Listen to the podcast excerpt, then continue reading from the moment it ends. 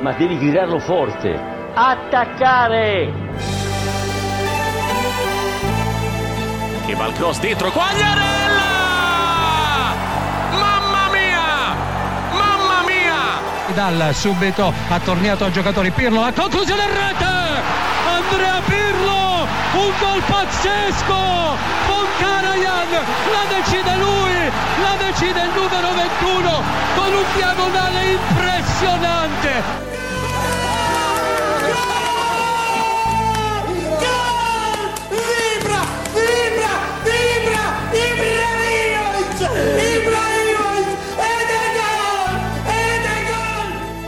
Dinsdagmorgen 16 februari en Wesley Victor Mak en ik, Willem Haak, zitten weer klaar om de Italiaanse week even door te bespreken.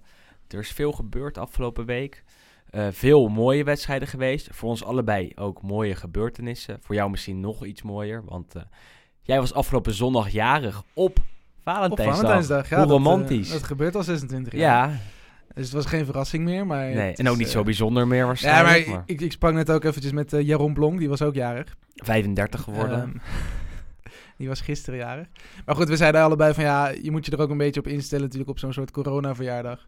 Het is allemaal even wat anders dan, eh, dan normaal. En Jij bent 26 Ik ben geworden, 26 hè? geworden, Ja, ja. ja. ook een mooie leeftijd. Ook een mooie leeftijd. Maar goed, ja, we zeiden ook van ja, weet je, tot een jaar of 1, 22, dan verandert er echt ieder jaar nog iets. Weet je, op je 18e mocht je, of tenminste vroeger mocht je nog op je 16e mocht je nog drinken, op je 18e mag je dan nu Ja, bij mij was het allebei doen. zo. Bij jou ook, denk ik Ja, wel, of nog niet? net- ja, net ja, ja. ja. En dan op je 21ste mag je weer andere dingen, mag je weer een huis kopen en dat soort dingen Ja, allemaal, weet je. Maar Als je dat kan. op een gegeven moment houdt dat een beetje op. Dus ja, ik heb eigenlijk zo vanaf een jaar of 2, 23, dat je denkt van ja, er verandert niet zoveel meer. Mag je pas op je 21ste een huis Ja, volgens mij zijn er een paar, of tenminste een paar van die fiscale en, en, en dat soort regelgeving. Moet je gewoon al een paar jaar werken natuurlijk. Ehm, nou ja, dat is dat. Eh, voor de rest was jouw voetbalweek niet fantastisch, denk Nee, ik. Het Maar die van jou wel. Ja, nee, laten we eerst beginnen bij het begin. Ik denk dat we bij jou beginnen, want vorige week hadden we natuurlijk de pre-Coppa Italia aflevering. Eh, de twee tweede duels van de halve finales moesten nog worden gespeeld. En Juventus eh, hield Inter op 0-0, ging naar de finale en een dag later won Atalanta van Napoli. En eh, ging het ook door naar de eindstrijd. Dus gaat de Coppa Italia finale op 19 mei in San Siro tussen Atalanta en Juventus. Ja, dat is wel leuk. Leuke finale. Maar ook gewoon, het is, het is weer een unieke finale. Want eh, het wordt natuurlijk ook gelijk opgezocht van hebben deze ploegen ooit al in de finale tegen elkaar gestaan. Ja, niet dus, want Atalanta sowieso pas eh, vrij recentelijk natuurlijk echt weer een... Nou, dat ze zich kunnen meten met de beste ploegen. En die stond natuurlijk, wat was het, twee jaar geleden denk ik ook in de finale. Zeker, tegen, Tegen Lazio, toen verloren ze. En ja, nu tijd voor revanche denk ik. En Lazio al uitgeschakeld, op weg naar de finale dus. En dan nu ook te sterk voor het Napoli van Gennaro Gattuso. Eh Juve door, eh, hield Inter op 0-0, prima, eh, niks mis mee. Ging gelijk op, Inter weer iets beter, had Ja. iets meer kansjes. Eh, maar uiteindelijk was het eigenlijk vooraf al duidelijk, wat, wat jij ook zei, dat Inter daar niet twee keer ging scoren. Want ze hadden er al niet, geen doelpunt gemaakt sinds 2014. Nou ja, dan moet je in één heftige keer... statistieken zijn Ja, dat is echt een hele heftige statistiek. Ik schrok er een beetje van Ja. toen ik het eh, dinsdagmiddag zag. Dus eh, bleef het 0-0. Ga je positief het weekend in als Juventino. Want dan staat er zaterdag het duel op het programma met Napoli. De eerste keer ooit dat het terugduel in de Serie A eerder wordt gespeeld dan het heenduel. Want we weten allemaal nog dat Juve-Napoli Er werd afgelast. Ja, vanwege, nou ja, laten we het corona-perikelen noemen. Eh, is nog steeds niet gepland. Nog steeds onduidelijk wanneer die wedstrijd wordt gespeeld. In ieder geval werd het terugduel in Napels eh, zaterdagavond afgewerkt. En eh Juve was beter, creëerde veel kansen. Meer dan misschien wel in het hele seizoen. Eh, in, welke wedstrijd dan ook bijna. En toch verloren ze met 1-0 van Napoli. Ja. Dus ja, Ja, die had ik echt niet aanzien komen eigenlijk. Het was dan niet dat ik met gigantisch veel vertrouwen dacht van nou, we gaan er echt met 4-0 overheen of zo. Ik, ik, ik, ik, ik, ik- ja, dacht zelf misschien een gelijk spelletje. Ook natuurlijk omdat ja, Napoli moest toch een punt pakken om in ieder geval Gattuso's baan te redden. Ehm, maar goed, ja, het was eigenlijk... Napoli creëerde heel weinig. En Juve die creëerde wat kansen, maar ook te weinig, denk ik. En het was vooral inderdaad een beetje een gebrek aan scherpte voorin, denk ik. Eh, Gebrek aan kwaliteit ook. Ja, maar goed, eh, Ronaldo, die mist gewoon een paar kansen die er... nee, maar ik bedoel 9 van de naast 10 keer ingaan. Ronaldo. Ja, maar goed, maar dat, daar wil ik naartoe, weet je. De, de aanval is op zich gewoon goed genoeg. Daar zit genoeg kwaliteit. Alleen dat middenveld, er komt gewoon helemaal niks. En het is zo schrikbarend dan om te zien dat een ploeg die moet winnen... en ook gewoon al, nu al een achterstand heeft van een flink aantal punten op, op, ja, op de koploper. Toen nog Milan, eh, intussen Inter. Dat, daar, dat die gewoon aantreden dan met een middenveld met Bernardeschi, Rabiot, Bentancur... waar gewoon echt niks in zit. Dit is wel En- echt een, een liedje dat we al Ja, zo is- vaak hebben herhaald. en- dat maar ik, uiteindelijk... ik snap het ook gewoon niet zo goed. Ja, goed, aan de ene kant wel, maar je hebt dan zoveel betere spelers met een Kulusevski, een McKennie, een Arthur. En op de een of andere manier, ik weet dan niet dat, of, of dat dan van bovenaf wordt gezegd van ja, die jongens die moeten eerst nog wat beter integreren of die moeten nog wat wennen of ze zijn nieuw, dus ze kunnen er niet 38 wedstrijden staan. Maar ja, als je dan ziet wat zo'n Rabiot en een Bentancur daar weer aan het doen zijn, het is echt eh, schrikbarend slecht. En dat, dat is inderdaad echt gewoon een maar gigantisch Juve gebrek aan was toch niet zo slecht? Ja, maar die, die kansen komen er wel. Alleen je bent gewoon... Ja, je snijdt jezelf gewoon voor mijn gevoel een beetje in de vingers. Want iedere keer als die bal naar Bentancur gaat, denk je van shit, als hij die bal maar weer niet weggeeft. En dan geeft hij hem weer weg. En zo verspil je heel veel tijd en mogelijkheden op mogelijkheden, zeg maar. En dan gaat het toch mis. En het probleem is dan eigenlijk, want Napoli heeft eh, ja, voor mijn gevoel echt niks gecreëerd. Behalve dat ze dan een penalty krijgen. Die ze natuurlijk gewoon altijd moeten, moeten, moeten, moeten krijgen. Daar is discussie om. En daar gaan we het denk ik Ja. wel even over hebben. Want Chiellini eh, staat bij, breed en die staat bij een vrije bij trap. vrije trappen van Ja, corner, geloof ik. Ja, maakt zich breed, eh, legt zijn hand in het gezicht van eh, Napoli-verdediger Ramani. En die gaat naar de grond. De scheidsrechter heeft de VAR nodig, want die wordt geroepen, gaat naar het scherm. Geeft uiteindelijk de penalty aan Napoli. Wat mij betreft ook terecht. Ja. Na afloop is er wat discussie over, want Andrea Pirlo, de Juve-trainer, gaat naar de camera van Sky Sport en zegt... eh, als wij deze penalty meekrijgen, dan staat heel Italië op zijn kop. Nu krijgen we hem tegen, hoor je er niemand over. Is het opeens terecht? Maar dat vond ik een beetje kort door de bocht, eerlijk Ja. gezegd. Want eh, wat, wat je ziet is dat Chiellini dit, denk ik, tien keer per wedstrijd doet. In ieder geval een aantal keer. En eh, dat hij zich altijd breed maakt, altijd op een slimme manier het duel aangaat. En ja, op een gegeven moment dan maak je echt een overtreding. En dan kan de VAR ook niet anders dan even ingrijpen dit was en laten zien. Heel veel duidelijker kon niet, want is, Nee. hij zit dan net niet die vingers in zijn oogkassen. Maar En als je ingrijpt bij het Coppa Italia duel tussen Inter en Juve, het heenduel in San Siro, waar Quadrado aan zijn shirtje werd getrokken, dan heb je daar weer even de, de, de, de, nou, de, de lat lager gelegd voor het ingrijpen, denk ik. Waar je dan ook nu moet, eh, ja. Ja. moet roepen en, en zeggen dat het een strafschop is. Die kreeg Napoli. En eh Insigne maakte hem. dit keer wel. Doet hij niet zo vaak tegen. Juve. Dat was een vierde strafschop en de eerste die erin ging. Ja, maar eh, ik, ik zag het gebeuren en ik dacht, het is wel mooi dat hij weer achter de bal gaat staan. Ik bedoel, dat is niet iedereen gegeven. Hij durft het wel goed. Hij is aanvoerder natuurlijk, dus hij moet die verantwoordelijkheid Nee, maar je moet wel een beetje pakken, vertrouwen, maar- vertrouwen erin hebben dat jij die Ja. penalty weer maakt. En als je toch erachter gaat staan en toch denkt, oké, Ja, op een dit keer gaat moet hij het er ook- in. ja, maar op een gegeven moment moet hij er ook in gaan, weet je. Want Ja, en hoe? wat is het? Een, eh, een strafschop is volgens mij ook als je expected goals kijkt, volgens mij 0,72 zoiets. Weet jij Dus goed, beter dan Op een ik? gegeven moment gaat die bal er een keer in, want ja... Hij heeft natuurlijk genoeg gemaakt. Maar goed, nee, maar dat met Chiellini... Iemand anders zei dat op Twitter, geloof ik ook. Hij heeft ook een beetje hetzelfde probleem als wat Sergio Ramos heeft. Die gasten zijn ook gewoon nog gewend om Zonder smerig VAR. te kunnen verdedigen zonder VAR. En ja, Chiellini is natuurlijk even uit geweest. Misschien dat hij die hele VAR een beetje heeft gemist, zeg maar. Nou, dat kan bijna niet in Italië hoor. Maar goed, het- hij maakt gewoon heel veel van dit soort overtredingen. Dat je denkt van, het is gewoon niet heel erg slim als je weet dat er ook een, ja, een videoscheidsrechter Hij moet er gewoon mee Want uitkijken. hij had ook al, want kreeg, daar kreeg hij geel voor. En letterlijk vijf minuten later knalt hij op het middenveld, knalt hij met twee benen op Ozyman door. Ja, Dus je denkt van, ja, je komt hier echt super goed weg dat, hij al, dat dat geen rode kaartwaardige overtreding was. Maar als de scheidsrechter ervoor fluit, moet hij eigenlijk gewoon twee keer geel ja, geven. ja. Oh, hij floot er helemaal niet Hij voor. floot er Nee. toen echt al voordeel. Maar goed, en daarna mag de, mag de VAR natuurlijk niet meer ingrijpen. Want Nee. het was niet voor, echt voor een rode kaart. Maar goed, dat soort dingen. Dat zijn allemaal van, ja, die slimmigheidjes die je verwacht dat hij wel heeft. En de fouten die hij normaal gezien niet maakt. Is hij klaar? Nee, dat denk ik niet. Nee, Want ik eens. vind hem wel echt, eigenlijk sinds hij terug is. eh, ja, je ziet ook als je kijkt naar de clean sheets die ze hebben gepakt sinds zijn terugkeer. eh, gaat het wel veel hij, hij kan nog steeds wel geweldig verdedigen. En ik Mhm. heb veel liever Chiellini dan een Bonucci daarachterin. Is de licht dan het perfecte koppeltje met eh Chiellini? Dat denk ik wel, ja. En eh Demiral nog op de bank, maar op den duur Ja. eh, wel als, als, als man erbij. Ja, of kijk, je hebt, plaats van je hebt dit Chiellini. seizoen heb je eigenlijk gewoon vijf centrale verdedigers... waarbij Danilo een beetje tussen haakjes staat. Ehm, maar met De Licht, Demiral, Bonucci en Chiellini. En het zijn wel vier vrij verschillende verdedigers, denk ik... waarbij De Licht er nog het meest op Bonucci lijkt. Qua, ook qua opbouwen en qua eh, echt techniek aan de bal. Hij is beter dan. Bonucci al. Ja, maar meer qua zeg maar, type vind ik ze ook vergelijkbaar. Hij is Ja. beter inderdaad dan Bonucci, dat sowieso. En daarnaast heb je dan Chiellini, die natuurlijk eh, ja, een beetje van dit soort trucjes ook moet hebben. Eh, ook gewoon de slimmigheid en de ervaring. En Demiral is verdedigend heel sterk, maar voetballend een stuk minder. Dus je hebt eigenlijk voor ja, die twee, drie plekken achterin... kan Pirlo wel per wedstrijd een beetje filteren wie die nodig Maar te hebben. Demiral en Chiellini samen moet je niet hebben, want dan heb je te weinig voetballend Nee, vermogen, denk Ja. ik. Dus En dan moet Chiellini wel- gaan voetballen. En dat ja. kan hij op zich wel, maar Niet wel fantastisch. minder dan een De Ligt en een er moet, er moet echt een koppeltje worden gevormd Ja. tussen een sloper en een opbouwer. En daarbij is Eh, natuurlijk de licht Demiral is wel het, het centrum van de toekomst. Dat lijkt mij wel, ja. Daar zijn we het eh, al een jaar over eens, denk ik. Juve verloor met 1-0 van Napoli. Eh, dan is het voor Milan even later op de avond een eh, goede kans om nog maar een keer uit te lopen. Op bezoek bij Spezia. Spezia dat thuis in de Serie A nog nooit tegen Milan had gespeeld.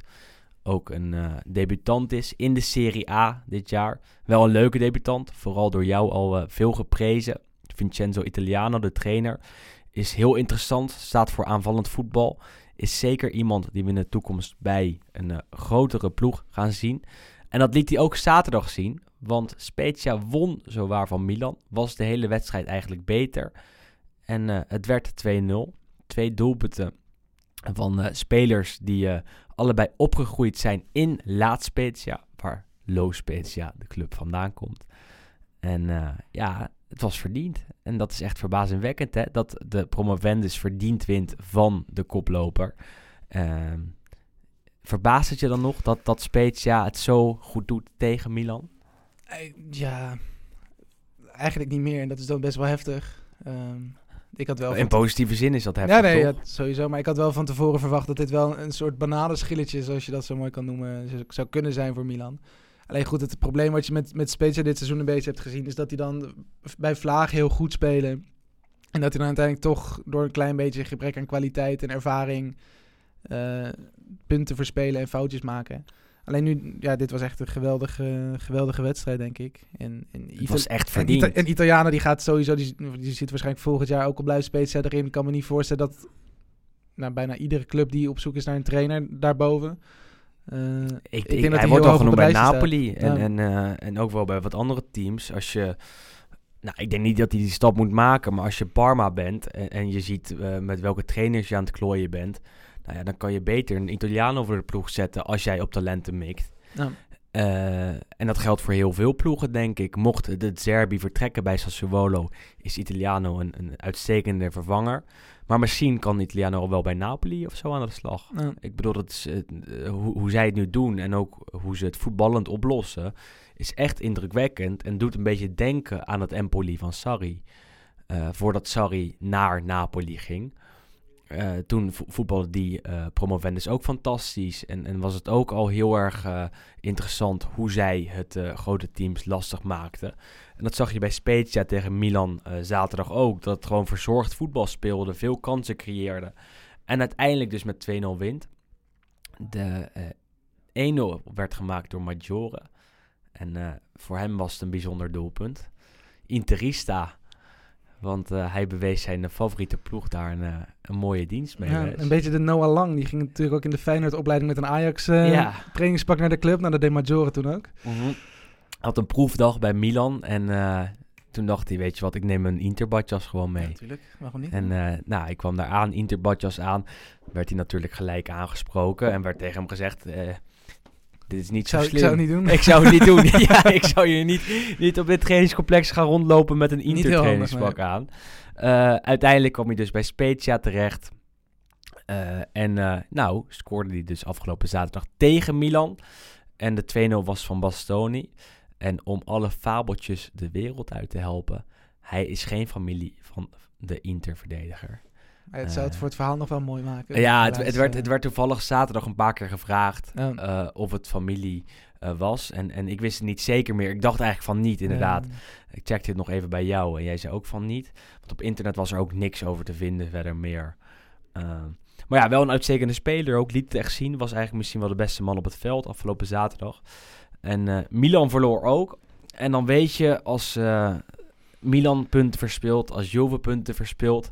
wat de twee grote concurrenten zijn in de strijd om de titel dan eh, zijn de ogen gericht op jouw clubje. op Inter. Ja. En dan weet je als Interista dat het eh, een grote kans is, dat er een grote kans is dat de Nerazzurri punten gaan verspelen.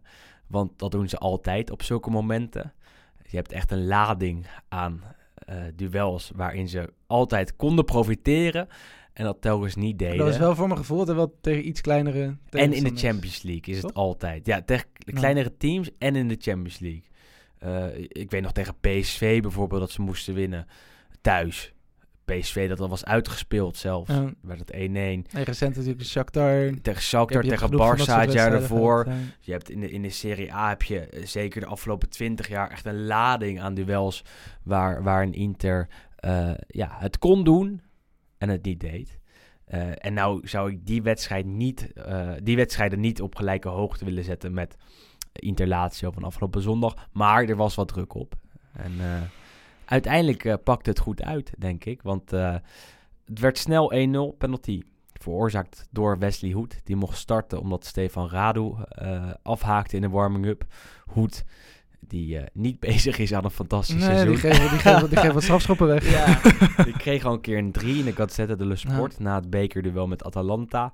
Was eh, zondag ook niet gelukkig. Want eerst leek het geen penalty. En had iedereen... Ja, van bovenaf, Ja. tenminste gewoon op de normale camerabeeld, Ja. dacht van nou, die, hij speelt gewoon vooral ja, vol de bal. Maar als je hem inderdaad wat frame bij frame zeg maar neerzet, raakt hij eerst de hak van, wat was Lautaro geloof ik? Ja. hè? En dan pas daarna de bal. Dus Ja, op en- basis daarvan kun je hem geven. En, en het punt is, de scheidsrechter gaf hem direct. En het is niet zo dat de VAR toen honderd keer heeft teruggekeken. Oh, hij raakt hem wel. Het is een penalty. Nee, het was al een penalty. Ze hadden het moeten terugdraaien. Ja. En, en dat ging never Maar goed, alleen bij grove fouten, goed, dat was het. Exact, en dat was het niet. Het was een penalty. Lukaku ging achter de bal staan. Nummer 15 van het seizoen.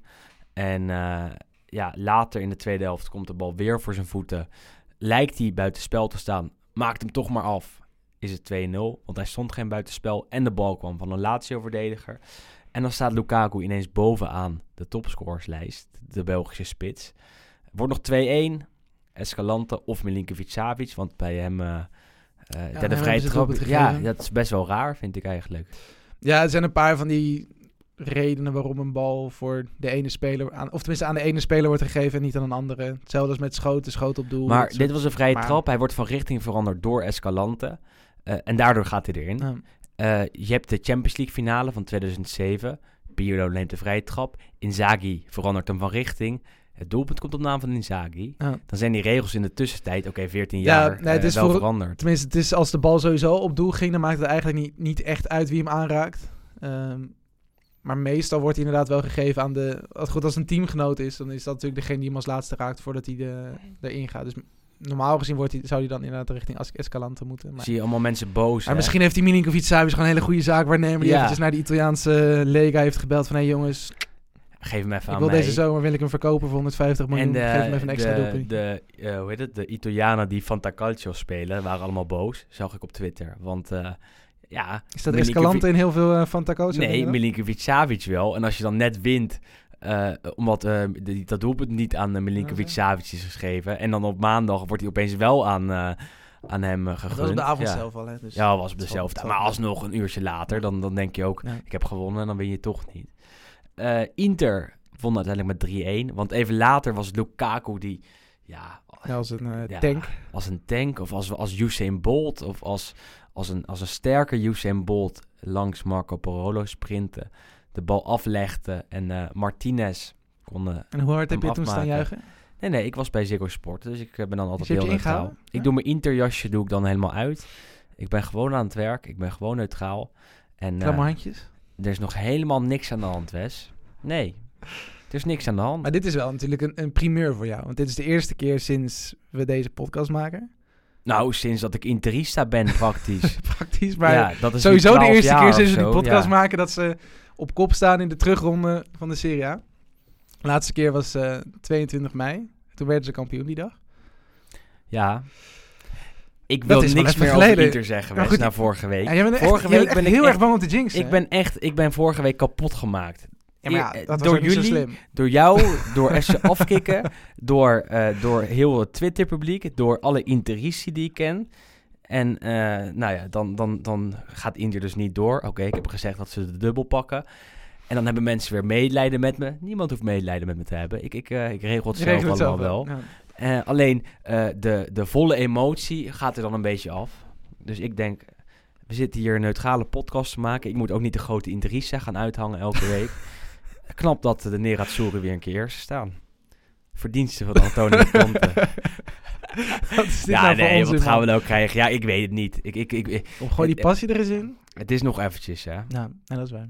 Het is nog eventjes. En, maar goed, eh, dit is wel gewoon al iets maar- wat je mag vieren, toch? de, En je hebt, de, je hebt nog niks te vieren, maar je mag het wel vieren, vind ik. de koppositie. Ja? Ja, maar dit, is, dit, dit vind ik een beetje zo. Gaat mijn haar onder de, kop, eh, de koptelefoon ding. Ehm dit moet, je moet er niet, maar dit, is een dit verschil is tussen een deel, of, dit is een deel mee van het medelijden. Jij bent Juventino, je bent negen keer achter elkaar kampioen geworden. Dan zeg je dat ik nu een keer bij- blij moet zijn met eh, een keer koploper staan na de 22e speelronde. Nee, maar, ja. nee, maar ik bedoel ja, meer... dat ben ik natuurlijk Als Juve eerste staat, dan ben ik ook tevreden die week, zeg maar, snap je? Ik ben wel ik ook tevreden, blij. maar je zei dit is voor mij het hoogtepunt. Nou, het Nou, dat heb ik niet gezegd, hè? Dat heb ik niet gezegd. Voor de podcast. Niet, dit is, eh, hebben we met ons z'n tweeën. Het hoogtepunt dat Inter nu bovenaan staat. Mijn hoogtepunt was dat Inter van Juve won in de Serie A. Want, want dan zie je hè, eh, wat er bezig is. En dat, het, eh, dat het pro- proces de goede kant op gaat.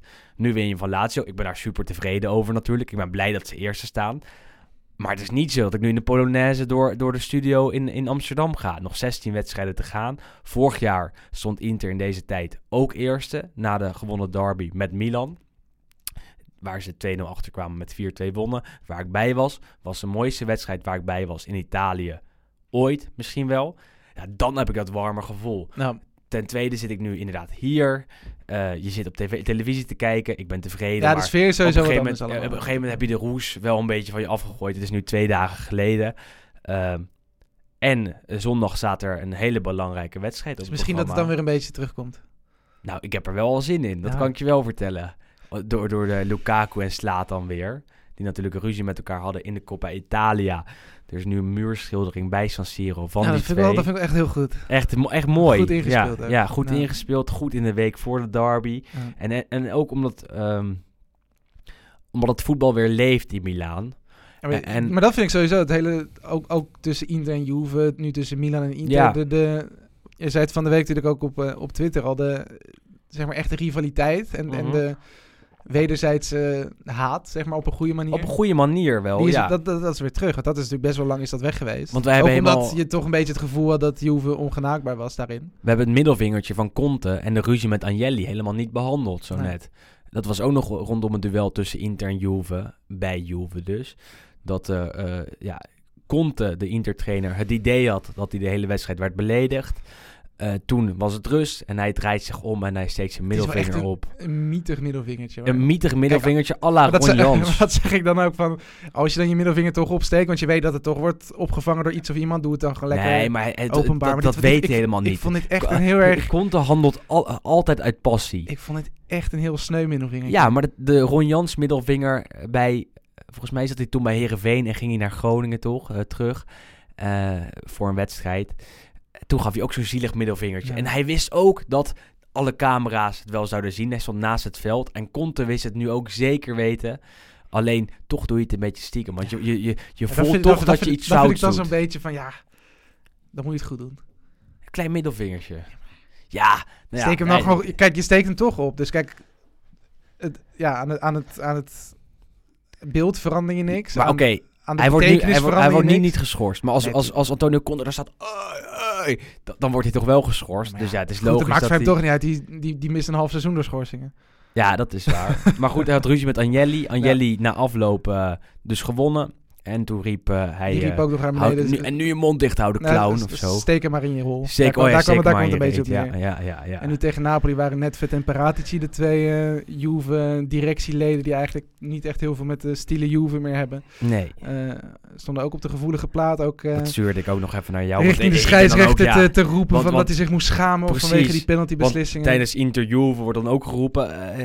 Conte, je moet de scheidsrechter respecteren. Door Bonucci, die een paar jaar geleden nog, nog hoofd tegen hoofd stond met eh, scheidsrechter Rizzoli. Ja. Dus eh, Ja, Maar goed, dat, ik, ik vind dat ook wel leuk, want dat, dat merk je dan ook aan alles, dat gewoon die, de spanningen overal veel hoger liggen. Eh, ja, want dit zijn ook dingen die je normaal gezien ook bij tussen een Zlatan en een Lukaku zie je dat niet heel veel gebeuren, dat Nee. soort situaties. Bij Conte, goed, dan is Conte misschien een slecht Conte en voorbeeld, Agnelli wel, altijd ja. ja. Agnelli Maar ook zelfs wel, bij Agnelli, die is volgens mij voor mijn gevoel dit seizoen ook veel scherper en veel harder en veel gemener. En ja, goed, bij Netvet is het natuurlijk sowieso een beetje een, een gekkie sinds die de directie in is gegaan. Ja, dus, dus Milan, Inter en Juve hebben weer een, Ja, een, traditionele hekel aan elkaar.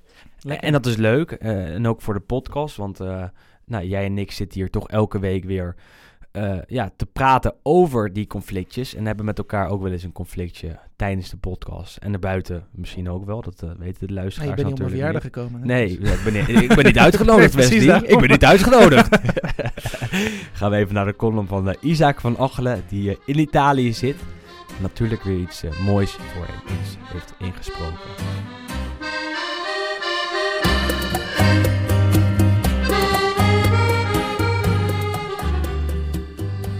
Buongiorno amici sportivi. Voetballen kijken is leuk. Over voetballen ouwe hoeren is mooi. Maar het allermooiste blijft toch wel zelf tegen een balletje trappen. Terwijl het hele amateurvoetbal in Italië stil ligt, stond ik afgelopen zondag op een prachtig kunstgrasveld met paasjes te strooien. En dat was behoorlijk uniek. Ik kreeg dan ook veel vragen vanuit zowel Nederland als Italië hoe dat toch in hemelsnaam mogelijk was.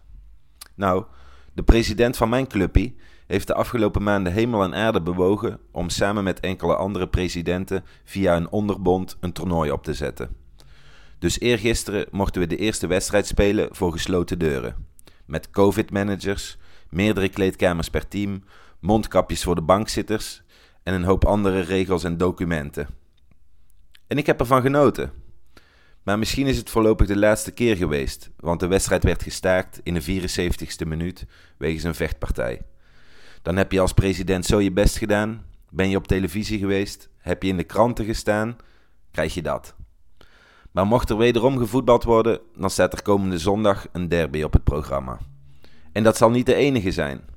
In de Gazzetta dello Sport wordt er al uitgekeken naar de wedstrijd van Milan tegen Inter komende zondag. Il derby dei derby. Da Barella a Donnarumma. A San Siro sfilano i gioielli d'Italia. Van Barella tot Donnarumma. De juwelen van Italië zullen zondag in het San Siro paraderen. De wedstrijd gaat nu uiteraard om de eerste plaats, dus er ligt ook veel druk op. En mocht die druk er niet voldoende zijn, dan zullen de sportkranten er alles aan doen om deze op te voeren. Il massimo che c'è. L'Inter e il Milan si giocano la testa. Domenica si sfidano i due giganti.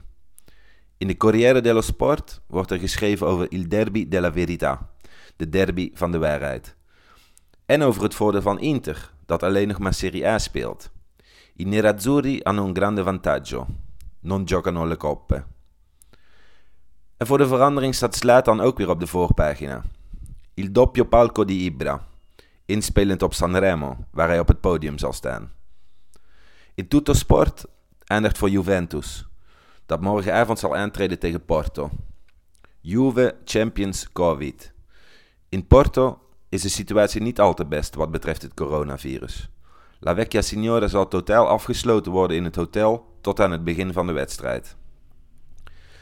Paulo Dybala potrebbe farcela. Dybala zou het kunnen redden om aan de aftrap te staan.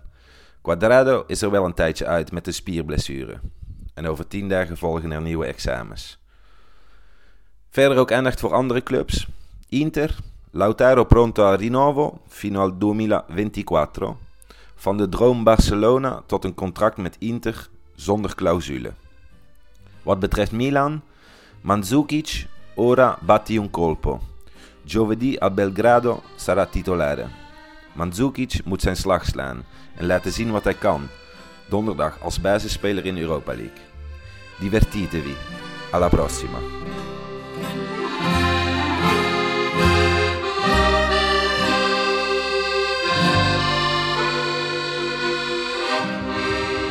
Ja, mooi dat er nu al aandacht is voor eh, de derby tussen Milan en Inter van aankomende zondag.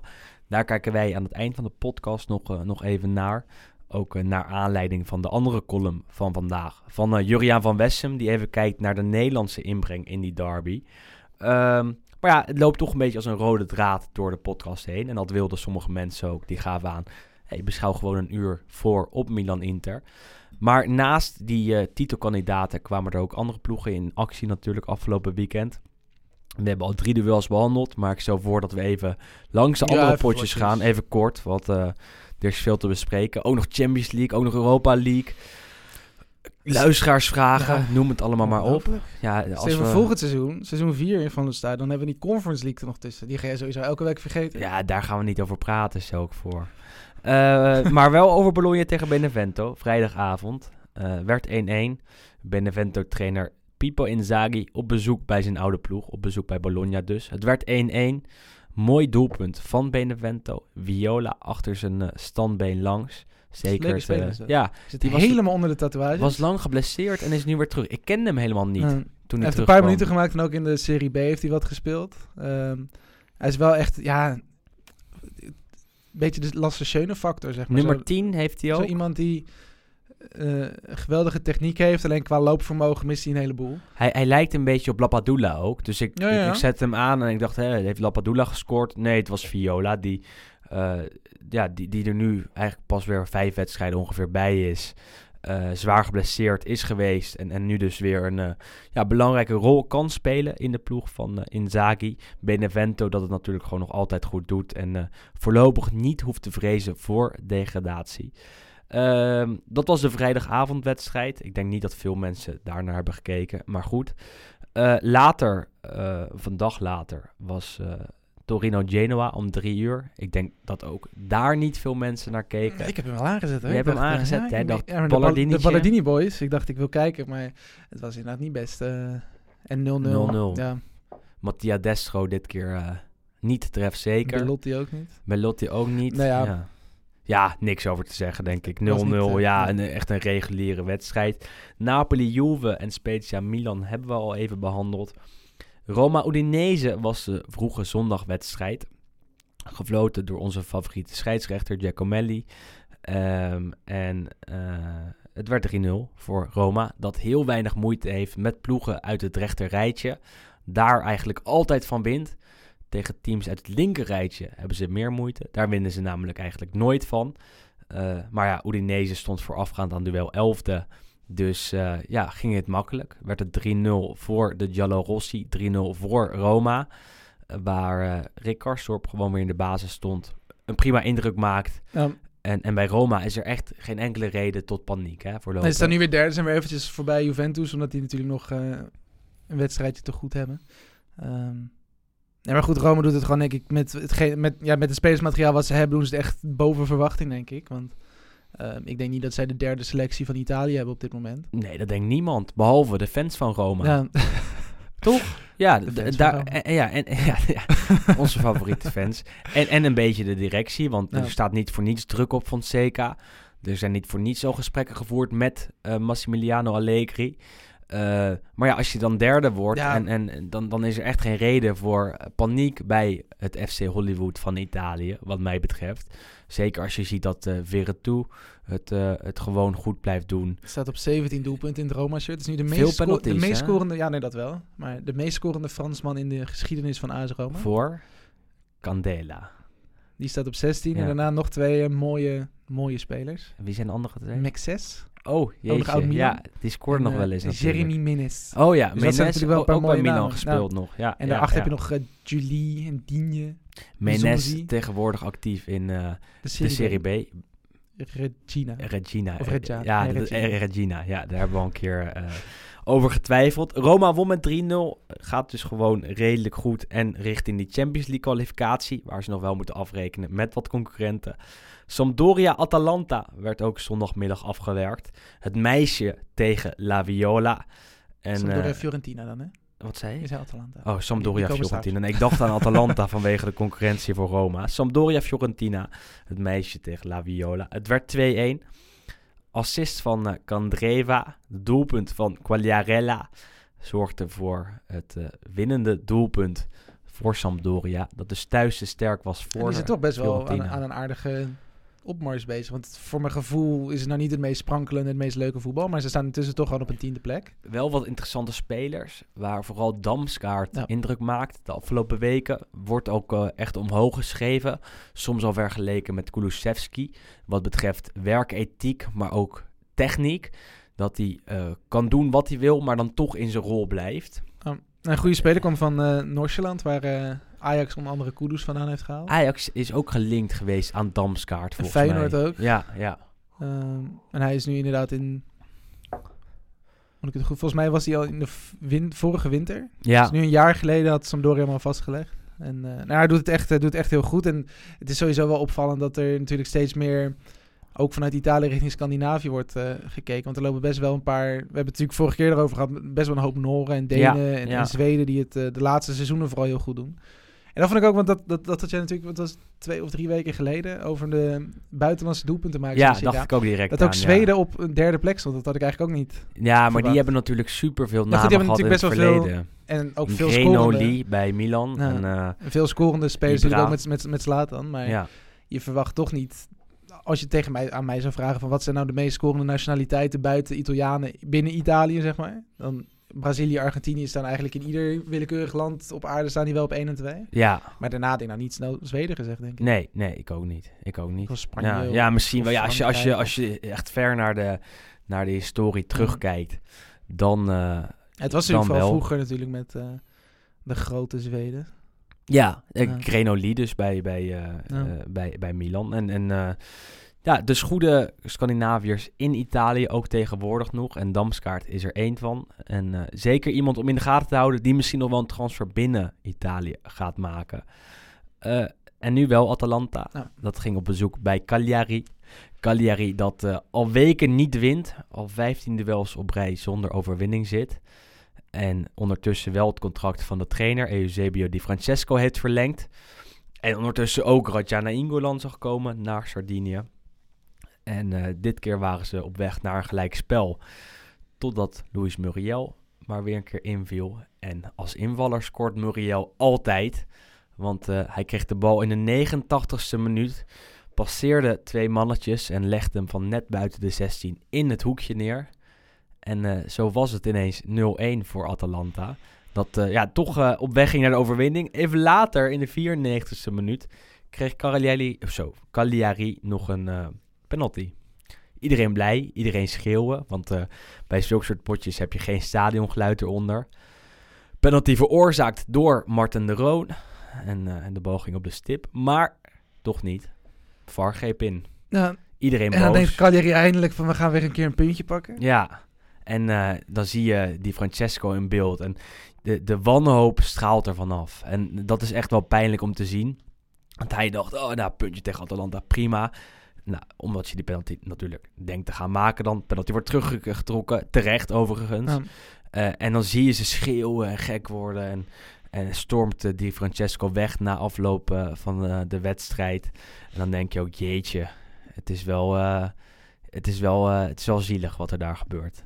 Ja, maar Ja, het haar blijft een probleem, Wes. Dat heb ik ook een beetje last van. We hebben hier dus camerabeeld, Ja. dus we kunnen even zien hoe het erbij Nou, zit. Maar het- soms als je een keer je koptelefoon verzet of je Het valt bij jou nog mee, kan ik je vertellen. Ik heb een halve pot gel of wax in mijn haar. Ehm, maar goed, Atalanta won met 0-1. Ja. Cagliari boos. Later Crotone Sassuolo 1-2. eh, en Verona tegen Parma was gisteravond. Ehm, waar Joshua Zirkzee weer niet mocht starten. Wel inviel voor Andreas Cornelius. Eh, kon geen pot te breken. Want eh, Parma is dit jaar eh, heel erg slecht. Echt heel erg slecht. Maar echt heel erg Echt slecht. heel erg slecht. Want er gebeurde eh, in het half uur dat ik heb gekeken, toen ze al met 2 en achter stonden, helemaal niets. Ze konden geen vuist maken. Eén schotje op doel gezien van Gervinho en één kopbal van Zirkzee in de 94ste minuut, die net overging. Ja. Maar voor de rest was het echt helemaal niets. Nee, dat zijn denk ik wel, wat je zegt, Cagliari, Parma, Crotone zijn sowieso de drie, staan met z'n drie onderaan. Maar dat zijn ook echt wel echt bij far de slechtste ploegen. En Ja. Torino is nu de laatste heel stabiel zeg maar, aan een soort opmars Ja. bezig met alleen maar gelijke spelletjes. Eh, maar daar heb je nog wel het gevoel dat er genoeg kwaliteit in zit om ook gewoon af en toe een wedstrijdje te winnen. En die gaan niet hoog eindigen, maar die zie ik niet snel degraderen. Ehm, maar goed, ja, met Parma en Cagliari jou toch een beetje je hart vast. Ja, zeker. Zeker. En zeker goed, ja, Parma heeft nu natuurlijk net een nieuwe investeerder. heeft er best wel veel geld in gestopt. De Amerikaan. Ook best wel veel flinke aankopen eigenlijk al gedaan. Waaronder natuurlijk dan, dan, dan Zirkzee, Pelle, Man. ja, dus maar dat is, luister, dat is sowieso pijnlijk. Is En met Cagliari is natuurlijk ook nog... Die hebben onlangs dat nieuwe stadion nog laten bouwen. De Sardinia Arena. Ook een paar jaar geleden. Ook flink geïnvesteerd. Maar het zijn toch wel twee andere situaties. Wa- Want bij Cagliari eh, zijn er goede spelers, vind ik. Ja. Dan staat, daar staat echt een elftal dat in principe tiende moet kunnen worden in de Serie A. Daar zit kwaliteit met eh João Pedro. Met Nainggolan natuurlijk ook nog steeds wel een beetje. Met Nandes, mijn favoriet. Bij Parma zit er echt niks in, vind ik, qua is wel- kwaliteit. Dat is wel het verschil Zirkzee is in potentie een interessante speler, maar die gaat Parma nu nog niet naar handhaving loodsen. Dennis Mann kennen we allemaal nog niet goed genoeg. Eh, maar wat daarachter zit, dan, dan valt gisteren Petzella in. Die kan niet eens een bal controleren. Die, die, die heeft drie ballen over de zijlijn laten lopen, omdat hij hem niet goed aannam. Dan denk ik, jongens, eh, dit is ook niet Serie A waardig. Ehm, Nee. Cornelius, dit jaar nog niet gescoord. Inglese, dit jaar ook nog niet gescoord in de Serie A. Gervinho is nog steeds de beste speler daar. En dat is hij al vijf jaar. Dat zegt genoeg, Ja, dat zegt genoeg. Ja. Dan denk ik, jongens, eh, leuk een nieuwe investeerder, leuk een nieuwe eigenaar. Maar er zit toch iets, iets, iets, iets meer mis bij de club dan, eh, dan dat ze nu in paniek wat nieuwe spelers halen om zich toch te handhaven. Eh, want de hele basis van die selectie is, is gewoon echt heel erg matig, vind ik. Ja. En bij Cagliari is dat minder zo. Die hebben gewoon pech met een slechte trainer. Dom dat ze het contract verlengen. Ja, maar dat, dat, ja, het is, is gewoon best wel lastig. Want we zaten natuurlijk net ook even te, te lachen voorafgaand aan de, aan de uitzending van ja, Parma gaat dan waarschijnlijk weer binnen een paar weken die trainer eruit gooien. Want het gaat natuurlijk slecht, want zo gaat het in Italië. Maar goed, je hebt ook gewoon niet echt betere opties op dit moment. En dat is denk ik het grootste probleem. Het, wordt, het is altijd een beetje hetzelfde vijvertje waar iedereen uit vist. Ja, Zeker tijdens een seizoen. Ja, Ja, eh, het is zo typisch allemaal. En hetzelfde geldt voor Torino, dat ook al jaren eh, de verkeerde spelers voor de verkeerde positie haalt. Dat dan weer zo'n Rodriguez haalt van Milan, die er niets van bakt. Eh, ook al, oh, sorry op PSV'ers, want die duiken dan weer gelijk met mensen in. Dat was vorig jaar zo. Ja, die, die heeft er toch nooit, nog nooit wat van gebakken in, in de Ja, Serie. PSV was hij voldo- was goed. Vond ik is- ook dat- niet. Ja, Maar dat is natuurlijk ook omdat je... omdat het eredivisie is, daar hoef je niet te verdedigen. Ja. Eh, en, en nog een lading Torino-spelers waarvan ik denk, eh, wat doe jij hier? Hoe kan jij nu nog elke... is- eh, Simone Zaza krijgt nog wekelijks speeltijd. Nou, dat, dat is echt niet meer spits die, eh, eh, die jou Serie naar handhaving gaat. Ja, Serie Ja. B-niveau. Ooit was hij wel goed. Tot het EK 2016. Die penalty heeft hem helemaal Helemaal geknakt. De, de Kerstman penalty, als we het toch over PSV hebben. Lang genoeg gepraat over de afgelopen speelronde. Tijd om vooruit te blikken. Tijd om naar Milan-Inter te kijken. Tijd om naar de Champions League en de Europa League te gaan kijken. Maar eerst gaan we luisteren naar de column van Juriaan van Wessem... over de Nederlandse inbreng bij de duels tussen Milan en Inter in het verleden.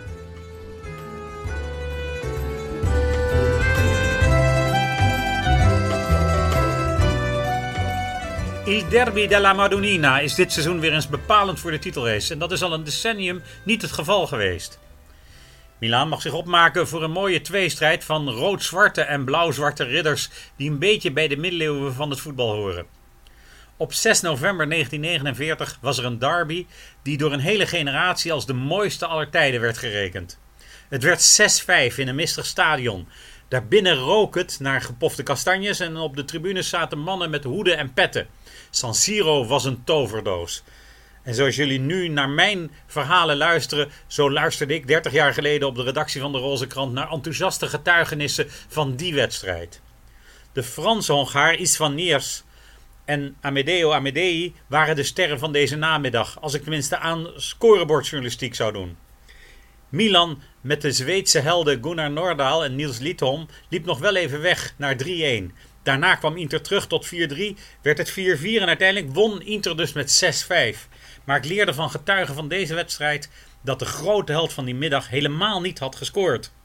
Het betrof Vaas Wilkes, misschien wel de beste Nederlandse voetballer tot de doorbraak van Johan Cruijff. In de jaren 80 spraken ze in Milaan nog met bewondering over hem. Met zijn dribbels en voorzetten stond hij aan de basis van vijf van de zes goals van Inter in deze derby. Er zouden meer Nederlandse helden in de derby van Milaan komen. Ruud Gullit stond nog maar vier minuten op het veld in zijn eerste derby. Of hij lokte al een eigen doelpunt van zijn bewaker Ricardo Ferri uit. Milan won die middag met 1-0. En bij de return in dat seizoen scoorde hij een magnifiek doelpunt. San Siro lag aan zijn voeten. Maar misschien was zijn emotioneel mooiste doelpunt wel in de derby, die van paaszaterdag 1993. Milan dreigde in de competitie een enorme voorsprong te verspelen aan Inter en stond met 1-0 achter door een doelpunt van Nicola Berti.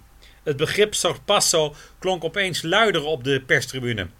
En Gullit had een haat-liefdeverhouding met trainer Fabio Capello, die hem toch maar had opgesteld voor deze wedstrijd, omdat Van Basten nu eenmaal niet fit was. En zes minuten voor tijd zorgde Gullit voor de gelijkmaker, die eigenlijk de waarde had van een kampioenschap, want met deze voltreffer was de inhaalrace van Inter afgebroken.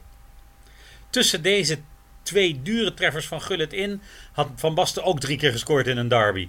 Waarbij zijn winnende goal in 1991 vooral luid werd bejubeld in Genua, omdat Inter in de achtervolging op het superieure Sampdoria werd gefrustreerd. Daarna kwamen Bergkamp en Jonk bij Inter, die in ieder geval allebei het genoegen meemaakten om te scoren in een derby. Bergkamp weliswaar uit de strafschop en ook nog in een verloren derby, maar Jonk toch wel zeker met een doorslaggevend doelpunt in een gewonnen derby. En dan was er natuurlijk Clarence Seedorf, die toch hier een uniek record heeft. Omdat hij voor zowel Inter als Milan een winnende goal in de derby wist te maken. Dat is uh, voor de rest niemand gegund. Jaap Stam is de enige Nederlander die scoorde in een derby in de Champions League. En Wesley Sneijder debuteerde in een derby waarbij hij niet scoorde, maar wel een hoofdrol vertolkte voor Inter dat die avond met 4-0 won. Als eerste stap naar een historische triplette.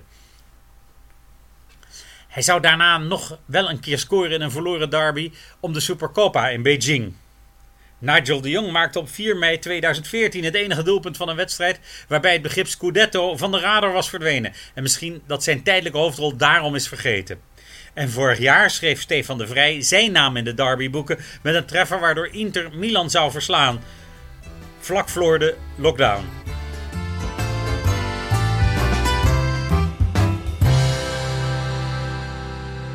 Zometeen meer over Milan-Inter. Al uh, flink besproken deze podcast. Een mooie column van Juria natuurlijk, zoals uh, elke week.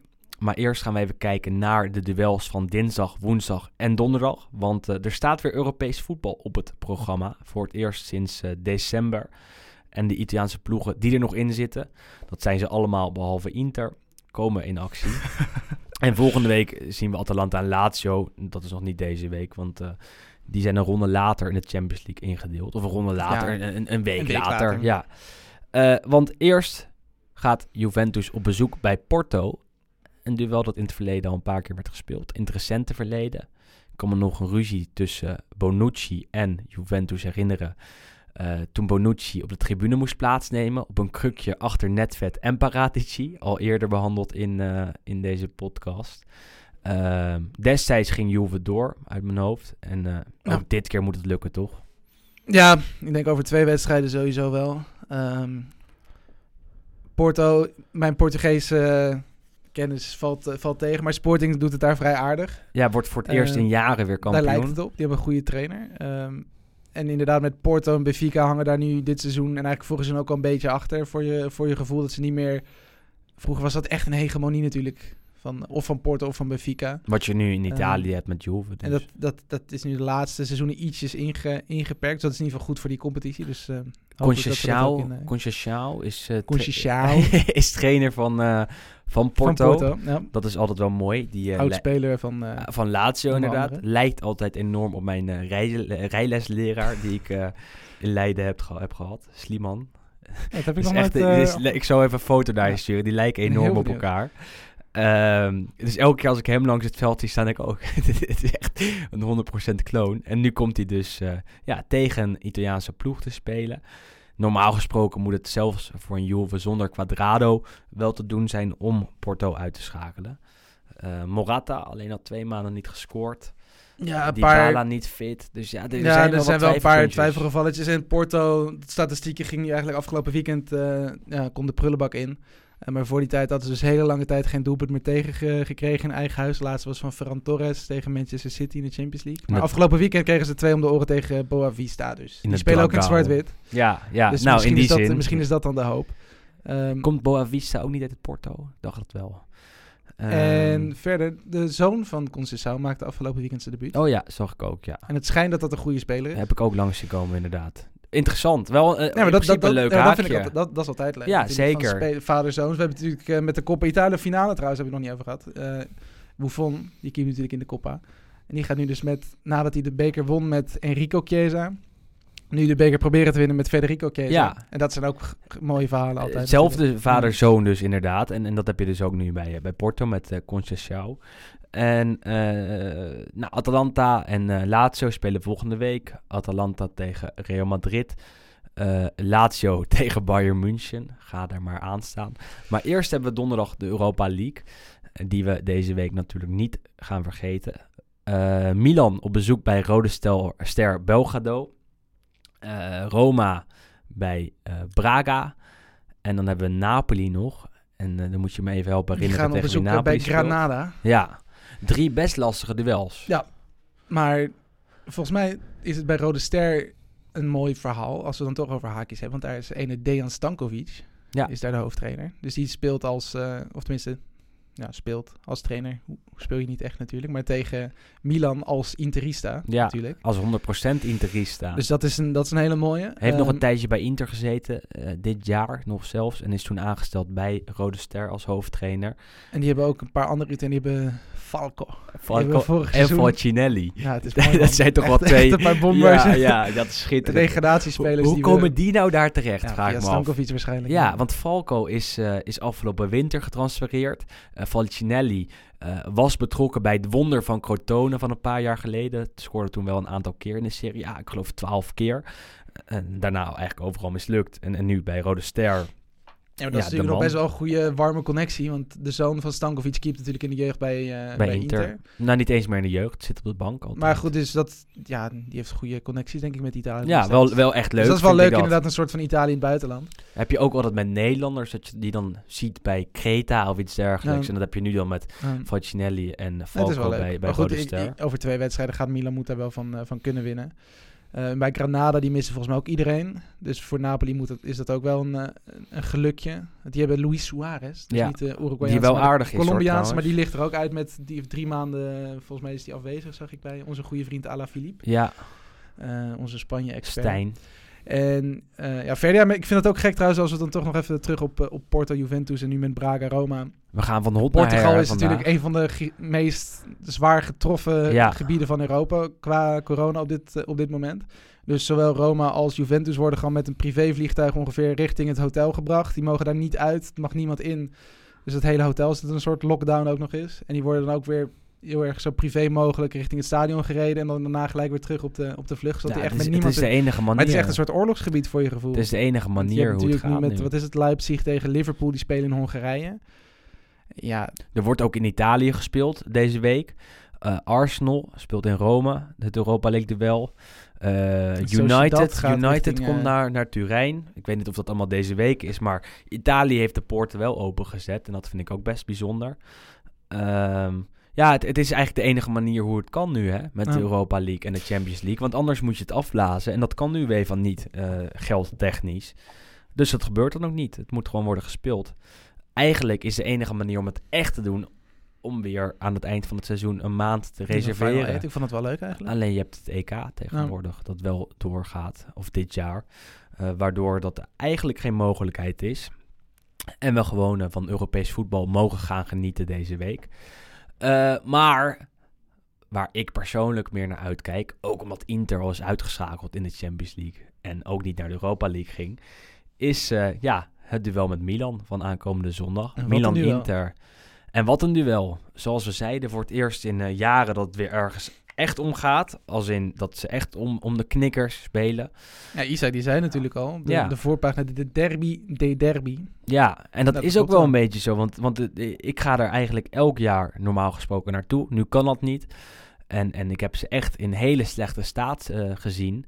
Eh, ik weet niet of ik het al in deze podcast heb gezegd, maar in 2015 werden Inter en Milan achtste en tiende. Toen ben ik naar allebei die wedstrijden gegaan. Zag ik Joao Obi nog spelen en, en, en eh, Freddy Guarin en en zo, Freddy of- Guarin ja. en Jeremy Menez bij Milan. Ehm, en noem het allemaal maar op. En dat je denkt, zo, dit is een groot verschil. Hè? Nou, het is wel... Kwaliteit. started from the bottom, now we're here. Want Ja, Intussen zijn het ook gewoon wel qua selectie gewoon weer topploegen, denk je ik. moet voor de grap even die basiselftallen van 2015 bekijken. En dan doorgaan naar de selecties van, van nu. Ja. Eh, en daar is vooral Inter natuurlijk nog, nog een stuk sterker. Ook omdat ze veel geld hebben uitgegeven en dat toen niet hadden. En hetzelfde geldt ook voor Milan. Die zitten nog iets eerder in die fase, zou ik zeggen. Maar die zijn ook een stuk verder dan toen. Hebben nu eindelijk weer echt interessante spelers. Met Hernandez, met Benacer, met Cassie. En bovenal met Zlatan Ibrahimovic. Ehm, en die mogen het gaan opnemen tegen Inter, tegen de koploper. Milan, dat natuurlijk eigenlijk het hele seizoen eerste heeft gestaan. Ehm, wie gaat dan die, die derby in als favoriet? Inter. Wel hè? Dat, ja. is, nee, maar dat sowieso. Ik denk dat eigenlijk het hele seizoen... Want het is natuurlijk... Het vertekent een beetje omdat Milan eigenlijk heel lang bovenaan heeft gestaan. Maar ik heb eigenlijk van alle wedstrijden die ik heb gezien van Milan en Inter... heb ik veel meer... Tenminste op basis van het spel. Verwacht je eigenlijk dat Inter dan het hele seizoen bovenaan heeft gestaan? Want ik vind Inter veel overtuig- overtuigender geweest in, in veel duels. Ja, ja. Dan Milan eigenlijk. Alleen Milan won gewoon heel simpel. Eh, en dat is ook een Ja. kwaliteit hoor. Exact, dat is ook kwaliteit die, die, Roma bijvoorbeeld heeft tegen al die kleine ploegen. Dat, dat bezit Inter dit jaar gewoon niet echt. En, en Milan wel. Maar goed, en nu zeker, kijk, nu, nu Inter eerste staat, natuurlijk ben je dan favoriet. Ja, en Toch? qua spelers ook, als je kijkt naar wie er allemaal op het veld staan bij Inter. En dat, daar zag ik ook wat van voorbij komen. Zeg je tegen Conte dat hij moet starten met Dalot, met Salemakers eh, en met Hauge, dan zegt hij nee, dankjewel. Oh. Echt niet. Never nooit. Toch? Natuurlijk, ja. En, en, en dat doet Pioli eigenlijk het hele jaar wel al. Oké, misschien niet met Hauge, wel vooral met Salemakers. Af en toe met Ka- Kas... hoe- hoe- hoe- ik kom niet op zijn naam. Nee, op het uh, jongen. Die, die rechts... Ik wilde Callejon zetten. Zeggen. De, de, Castillejo. de, de Castillejo, jezus. Eh, Hoe kan ik niet op die naam komen? Met Castillejo die er Het niet zo bakt. een beetje Die valt wel vaak in. Dat je, je vergeet gewoon de naam van de tegenstander. Ja, Toch? zwart, Ja, zwarte vlek. Een blinde vlek. Milan? Nee. Milan, Sander Jongman. Wie de, wie de fuck is Sander Jongman? Dit wordt zo, dat, weer zou nog op, dat, zou, dat zou nog kunnen ook trouwens. Die hebben we toch al lang niet gezien. Ja, ik scheld veel in de podcast deze week. Ik ben helemaal losgeslagen. Je zakt door, het ijs. Ik zak door het eh, ijs. Ik ben emotioneel een wrak. En, Een ehm, wak. Wat zeg je? Een wak. Ja, een, een, wra- een wrak, Een toch? wak. Nee, maar Ja, goed. Nee, ja, nee, ja, een ik dacht, ja. we gaan nog even door met die ijsgrapjes. Ja, oh ja, Toch? emotioneel een wak. Ja, nee, dat is... eh. Heb, jij, heb jij geschaatst? Nee, joh. Ik ben, een Italiaan. Ja, toch? hebben we het vorige week over gehad. Ik, heb, ik, heb, ik heb niks met die kou. En dat vind ik dan wel... Ik snap dat dan niet, hè. Dat, dan kijk je zo in het weekend kijk je dan op je Instagram. En al die stories, dat is gewoon een en al mensen op schaatsen. Dat ik denk van, dat, ik heb maar wat... nog nooit... Er zijn letterlijk mensen die ik nog nooit überhaupt heb zien bewegen. Ja, En die staan er gewoon letterlijk... Die gaan een weekend lang schaatsen. nee, maar die zijn er ook doorheen gezakt. Ja, sommige wel. maar ik bedoel... Nou ja, Ik en, en ik, wat ik ook zie, is dan veel mensen die toch aan het apres-skiën zijn en met een hele grote groep. En die delen dat dan ook op Instagram. En dan denk ik, ja, kijk, als je doet, dat zou ik ook niet doen. Eh, nou, doe het vooral niet trouwens. Maar deel het dan al helemaal Nee, niet. dat is- dat is Eh, fanatiek in je Instagram story. Eh, ik bedoel, wij zitten hier toch ook al, al maanden op anderhalve meter afstand van elkaar. Eh, Die Polonaise kan niet eens, alles mocht, goed. Ik- niet het willen. niet de moraalridder spelen. Maar dan denk je, ja, dit, dit is natuurlijk niet de, niet de manier waarop het gaat. Hetzelfde in Italië trouwens, om toch weer het haakje bij het Italiaanse voetbal te houden. Daar was afgelopen weekend een bijeenkomst van de scheidsrechtersbond. Daar gingen alle bestuursleden van alle subbonden een scheid- zo, scheidsrechtersbaas kiezen. En eh, nou, er is een nieuwe man eh, verkozen. Maar die bijeenkomst was niet corona-proof. Nee, ja. Ja, dat, maar dan denk ik, jongen, als je het dan doet, Doe- doe het ja. dan op een manier dat, dat, dat, dat, het, dat het verantwoord is. En, en op anderhalve meter van elkaar af. En daar hebben ze altijd de neiging om naast elkaar te zitten met een mondkapje op. En, en dan ja, te doen alsof het eh, er niet is. En dan was het daar ook. En dan denk je, ja, je bent het bestuursorgaan van de scheidsrechters in Italië. Eh, ja, het is toch Ja. hartstikke raar. Ja, dat vind, ik- vind, vind ik hartstikke raar. Het Maar blijft goed, Italië natuurlijk, hè. Ja, en, al die vergaderingen zijn sowieso mooi. Want het was nu toch ook laatst, vorige week, dat, die, dat de eigenaar van Genoa, Preziosi, weer ook met iemand op de vuist ging. over de tv-rechten, geloof ik. Het was dan de tweede man van Torino met eh Preziosi van Genoa. En die had dan ook een, weet ik veel, die waren het ergens niet over eens. Ja. Die moeten nu natuurlijk ook weer nieuwe aanbiedingen gaan Ja, precies. naar gaan Dus, luisteren. voor daar is ook veel discussie over. Ja, Die gingen elkaar dan ook gewoon te lijf. ja. maar ja, ik denk ook, jongens, eh, allemaal, allemaal leuk en aardig. Die rechten is nog wel een grote discussie trouwens. Komt misschien bij Dazon, komt misschien bij Sky. Er is nog een private equity fonds dat eh, Ja. geld wil investeren in de Serie A. Die hebben er ook een zegje Als je in. de uitspraak van eh, Ferrero van Sampdoria gehoord? Dat was ook wel Wat mooi. zei die ook alweer? Ehm, ik heb op zich niks tegen Sky en Zone. Maar goed, het, is, eh, ja, het werkt allemaal hetzelfde als een huwelijk. Weet je, als er een mooie vrouw langskomt en die, en die biedt zich aan, ga je er toch even over nadenken. Ferrero is eh, ja, een van de grote figuren uit het Italiaanse maar voetbal. goed, weer even snel van Ja. schaatsen weer terug naar de derby. Want wat, wat gaat het worden, denk je? Of durf je er helemaal niks meer over te zeggen in jouw neutrale fase, kijkerschap, waarin je je bevindt? Ehm, ja, ik moet even goed nadenken wat ik, wat ik echt vind, eerlijk gezegd. Vorige week was het natuurlijk ook gewoon een showtje. Eh, dacht ik niet echt dat Inter de dubbel zou pakken. Dus ik ga, het, eh, ik ga mezelf niet zo voor schut zetten. Maar ik denk wel dat Inter gaat winnen. En, Nou, eh, dat zeg ik het toch weer.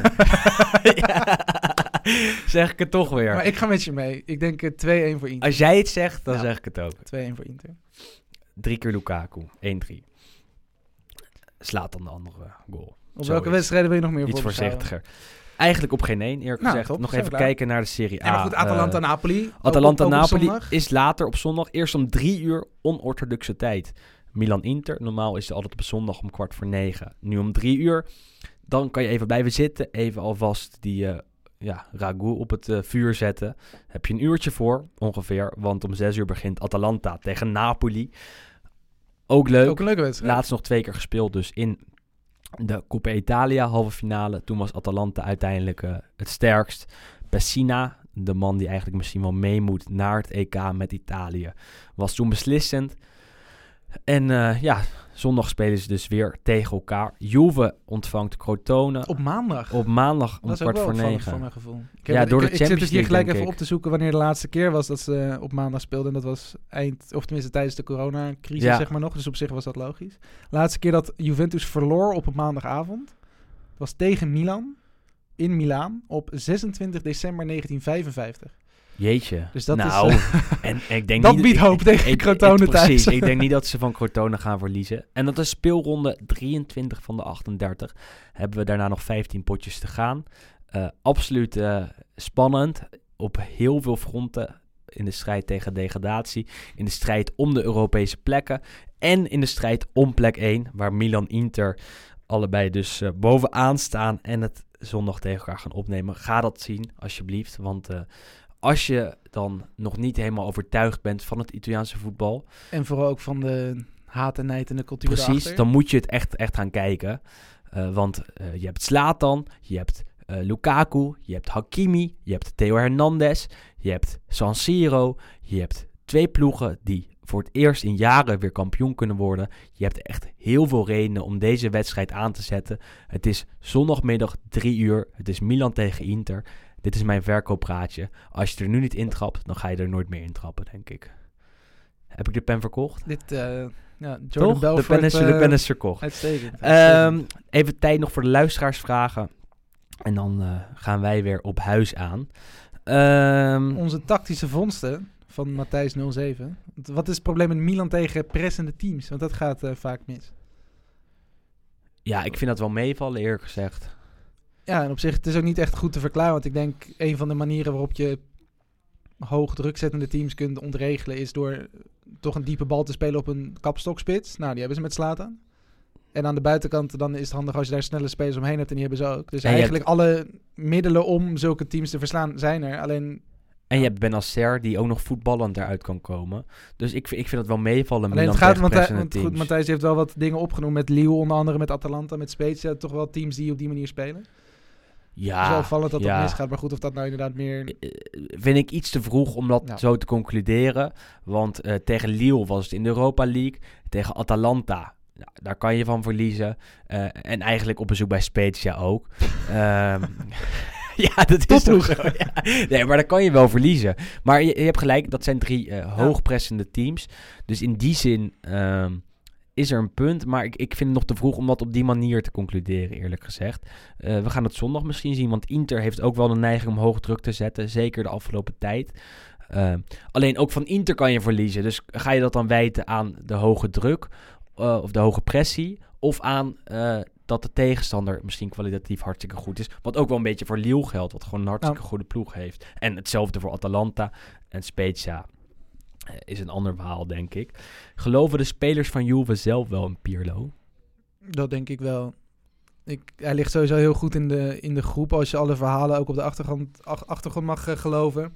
Eh, het was natuurlijk vooral dat Sarri heel erg slecht, of tenminste heel erg slecht, dat Sarri behoorlijk slecht in de groep lag, omdat hij ja, een beetje buitenaardse, of tenminste buiten Turijnse Ja, regeltjes en, en, en dingen erop nahield. En bij Pirlo, ja, het is natuurlijk echt een clubman. Ondanks Pirlo dat heeft natuurlijk ook bij Milan heeft gewoon een stukje meer dan, dan Ja, Sarri. dat sowieso, maar ook denk ik gewoon op menselijk gebied. Eh, het helpt het natuurlijk gigantisch dat hij ook nog heeft samengespeeld met Ja. Buffon, Chiellini, Bonucci, Morata. eh, Morata zelfs nog. Eh, dat, dat er inderdaad gewoon een heel groot gedeelte van de, van de ploeg hem al kent en hem ook als speler heeft meegemaakt. Dus ik denk dat dat, dat, dat niet per se het probleem is waarom, het niet, waarom Juve bijvoorbeeld nu niet eerste staat. Ruben Beukers heeft ook een, een vraag.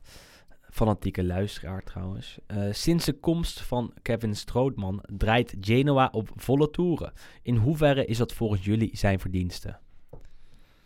Ja, hij doet het prima. Maar Hij doet het prima, alleen... het is de, allemaal het- is- bij Genoa is- het allemaal voor de verdiensten Het is zo, zo typisch. Nederlands om dat dan aan, aan te, te, te, te Ja. hangen. Want Schrootman kwam erin op het moment dat, eh, dat de, de, de revival van Genoa al was ingezet door Ballardini.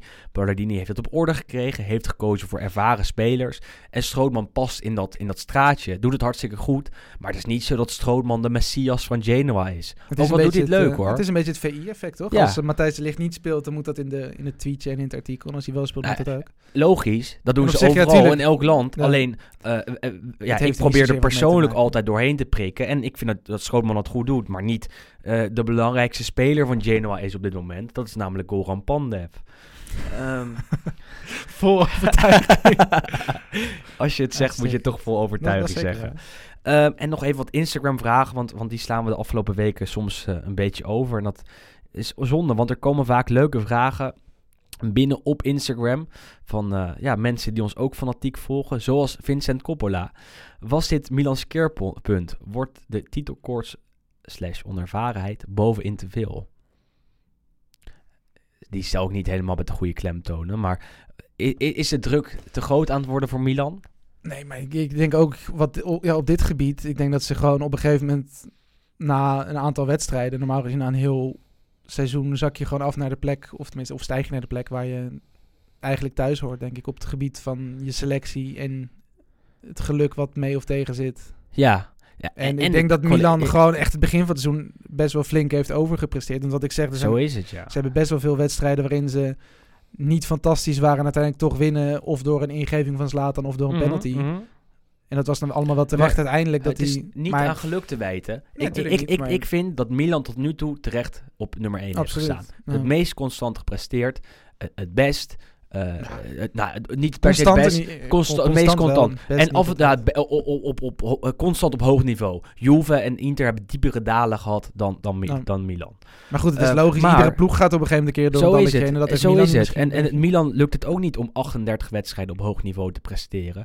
En als je dan kijkt naar de spelers, zijn de spelers van Juve en van Inter ja, gewoon beter dan die van Milan. Eh, het kan dat Milan kampioen wordt. Het is wel eens gebeurd dat, dat, dat niet de beste ploeg of de beste spelers kampioen worden, maar het beste team, wat Milan misschien ook is.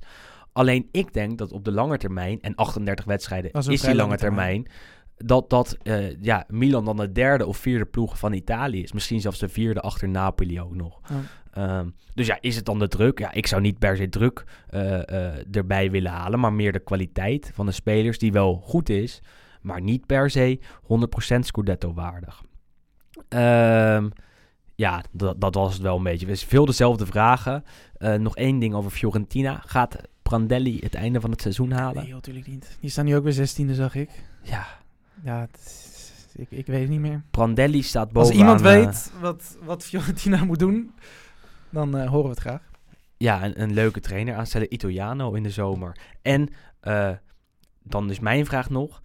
Di Francesco er eerder uit? of Prandelli er eerder uit? Dan denk ik... Di Francesco van Cagliari, Prandelli van Fiorentina. Ja, dat is een goeie. Ik denk dan...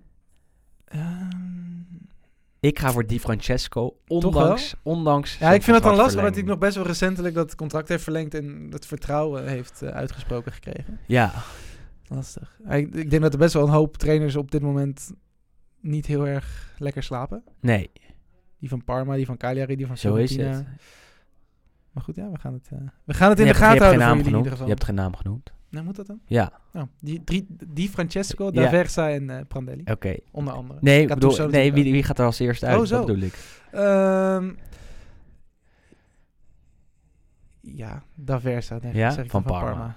En ehm Eriksen, moeten we nog even noemen, wordt ook naar gevraagd. Die startte afgelopen zaterdag in de basis bij Inter. Zondag tegen Lazio.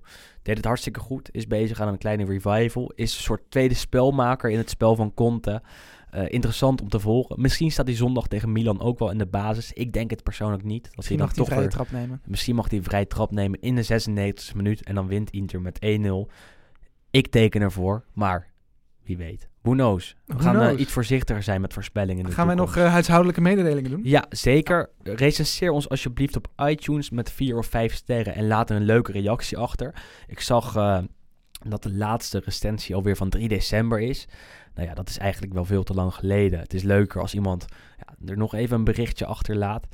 Eh ja, laat ons ook weten wat je van de podcast vindt. Via Instagram, via Twitter, via Facebook zijn we ook te vinden. Allemaal op Lo Stadio.